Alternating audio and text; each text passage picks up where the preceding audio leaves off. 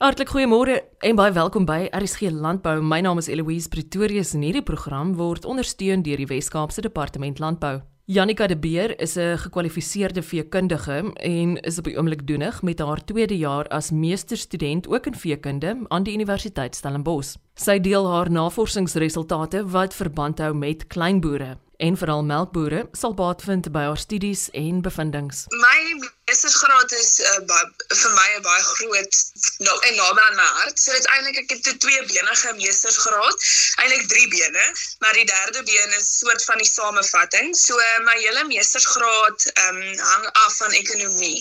So ek het 'n baie groot passie vir klein boere, veral klein melkbore. So ek het later in my um, voorgraads besef dat ek 'n groot passie het vir melk en melkbeeste en ook dat my passie vir mense ingekom het met klein boere boere. So my meestersgraad gaan essensieel daarin om klein melkbore te help om te oorleef met die stygende mielieprys.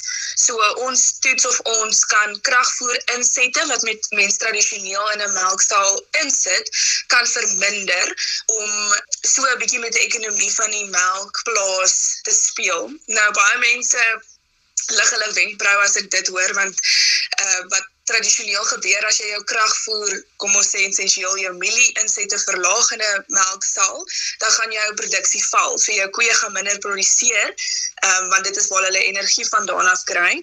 Maar onlangse navorsing toon dat noodwendig produksie nie die grootste insette of die grootste wins vir 'n melkboer mee bring nie, maar dis jou produksiekoste.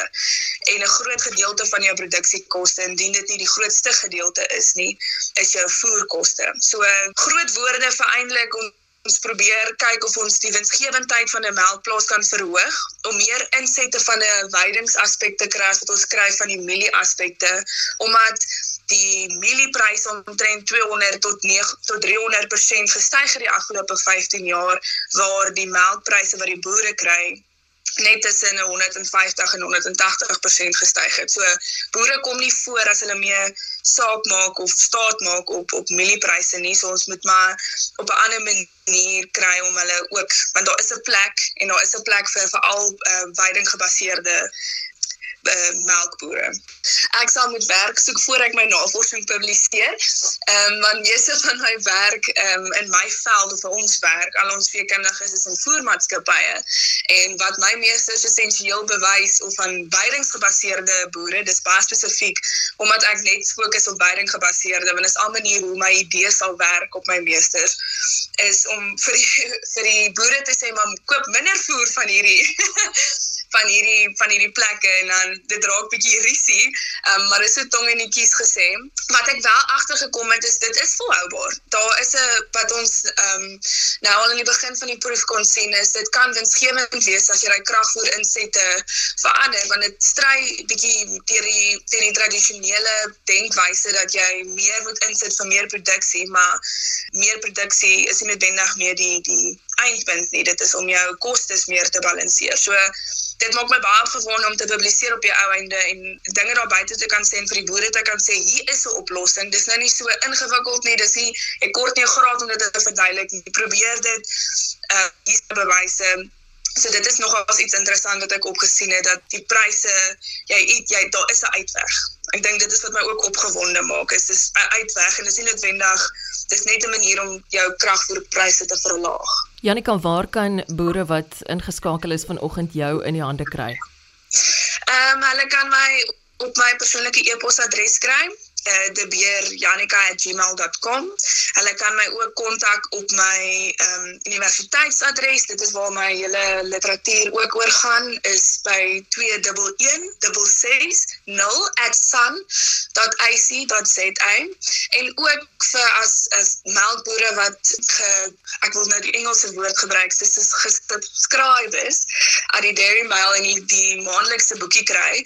Ek het onlangs in die Mei uitgawe ook 'n stukkie daaroor gepubliseer wat 'n meer algemene uh, verduideliking was oor my studie. My e-posadres is ook daar te vind.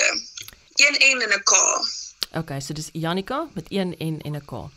My enigste ding wat ek sou byvoeg is dat mens moet altyd oop wees vir nuwe nuwe studies. Ek weet daar is so vordering en daar's so baie wat gedoen word in die landbou en, en ek ek voel dit op my hart dat baie keer mense negatief raak en mense voel vasgekeer dat jy dieselfde doen oor en oor en oor is, maar daar is mense daar buite wat wat jou wil help. En ek praat nou veral met boere en oor oor mense wat bietjie negatief voel is daar is daar's 'n uitweg. Ons is almal hier mekaar te help en ek is positief. Ek dink uh, waar daar wil is dit daar weg as mense nou so die eie sê ding kan gebruik.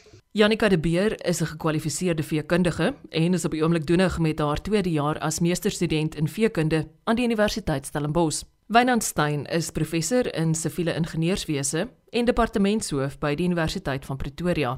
Hy verduidelik die waarde van nuwe sensortegnologie vir veral sonneblomboere. Ons het byvoorbeeld as een van die klein projekkies hier het ons 'n sensor gemaak wat ons op 'n sonneblom gesit het. Dis so 'n klein eenheid wat basies dieselfde sensor is wat in jou selfoon is wat ons aan sy steel vasgesit het en dit het ons gehelp om daai sonneblom se uh se volg van die son elektronies te monitor die hele tyd.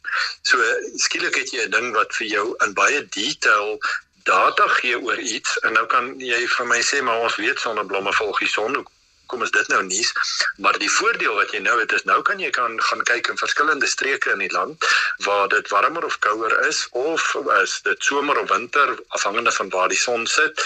En agterkom maar is hierdie 'n goeie plek? Werk die sonneblom reg hierso of is daar meer optimale tipe sonneblomme wat ek hier kan plant of moet ek dit liewer op 'n ander plek plant? So jy kombineer die kennis van die tegnologie of dit nou die sensors is of dit programmering is en of dit groot data analise is kombineer jy met die landbou agtergrond waar jy gaan leer hoe groei 'n mielie en hoe groei 'n skaap en as ek dit bymekaar sit dan is die groot doel hiervan en ek dink dit moet 'n mens altyd onthou is om beter voedselsekerheid te ondersteun.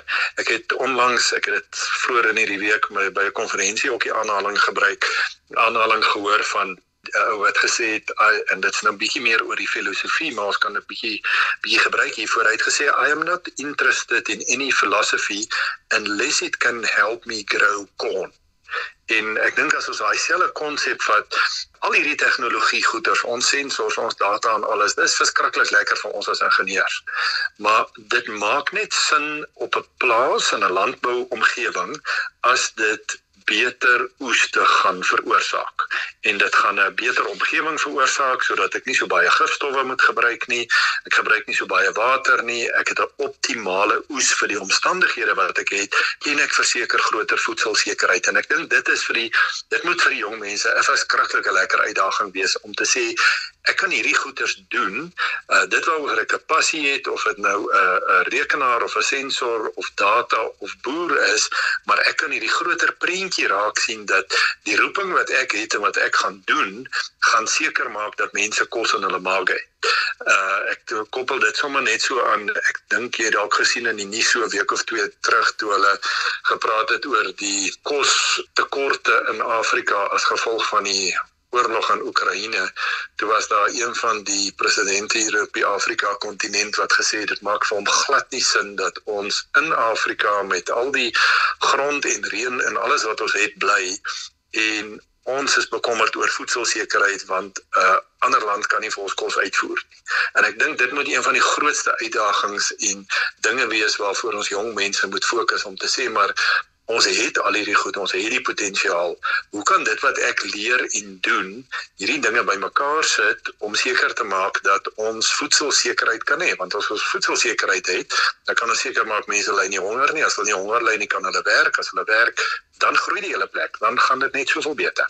Eloise baie dankie vir die geleentheid. Ek waardeer dit regtig waar altyd en dis dis so goed om die geleentheid te hê om op 'n gewone vlak met gewone mense te kan praat want die terugvoer wat ons hier uitkry is ook so absoluut positief en ek ek dink ek gaan uh, ek gaan die professor hoed opsit vir 'n vir 'n oomblik en sê vir al die mense daar buite wat veral as jy jonk is, as jy op skool is en jy luister hierna, maar as jy nie op skool meer is nie en jy het kinders, motiveer hulle, ondersteun hulle dat hulle hierdie geleenthede aangryp. Die goed is so beskikbaar.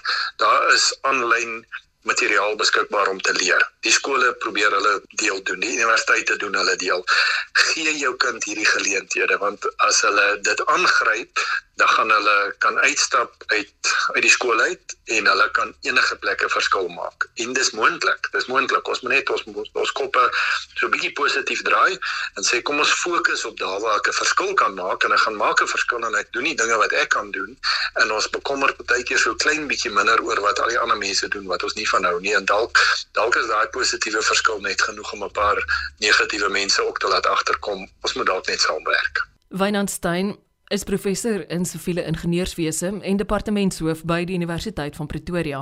Ian Cunningham is verlede maand as Agri Weskaap Santam Landbou Jongboer van die jaar aangewys. En om ons program vanoggend op 'n noot van inspirasie af te sluit, wou ek graag by Ian hoor wie die mense is wat hom veral begeester en wat hy as hoogste waarde ag as boer ouers, jy weet, uh, my pa is oorlede en my stiefpa is ook oorlede, maar hulle was baie lief vir, vir die land. En my ma is nog steeds saam met ons. Maar die ek dink die grootste ding is um wat my inspire is net om beter te wees en en op top of ons game. En en jy weet om te te leer van ander mense. Jy weet ek ek hou baie top wat ZZ2 doen. Ek dink hulle is 'n uh, wonderlike maatskappy um, ek sê dit baie keer hulle natuurboerdery ek dink is net 'n uitstekende uitstekende filosofie en en ons probeer onsself koppel met daai met daai filosofie So ja, dis daai en, uh, en en jy weet ook net my family. Ek is baie lief vir my family, uh my vrou, my kinders, my ma en en almal. So ja, dis eintlik wie um who I look up to and then obviously, you know the the guiding hand of the Lord. Hy hy is baie belangrik in in in in ons um, besigheid. Jy weet ons kan maar ons bes te doen, maar um en en ons praktyk het die beste maak maar ultimately we find that the mercy of him. Is daar honde op jou plaas? Ja so ek het twee honde. Ek het 'n great dane odin. Um hy's so 2 jaar oud. Hy's hy's my stoute kind. En uh, ja ek is mal oor hom hom uh, so hy ry oral met my in die bakkie en dan ek het 'n klein SPCA special Chrissy. Sy's so 12 jaar oud nou. Sy's net so lief vir vir die vir die plaas in die, in die bakkie en dan Ons het uh, twee katjies gehad, maar ongelukkig die rooi kat het hulle gevang in die laaste so maand. So is 'n bietjie hartseer by die huis. Uh, maar ja, ons is baie lief vir diere.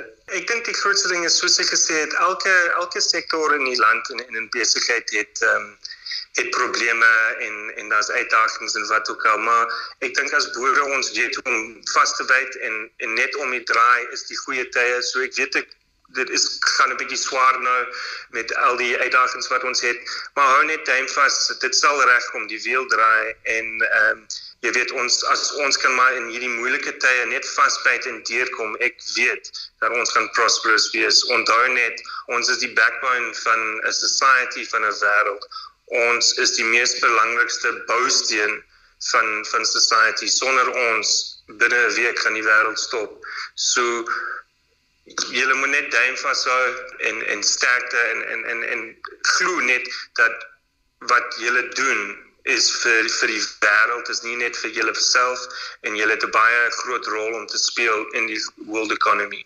Ian Cunningham is die Agri Weskaap Santam Landbou Jongboer van die jaar. Onthou die program is beskikbaar om gratis afgelaai te word op www.elsenburg.com. Maak gerus 'n knoop in die oor en skakel môre om kwart voor 12 weer in vir nog 'n aflewering van RSG Landbou. Ek is Eloise Pretorius en ek groet jou. Tot dan.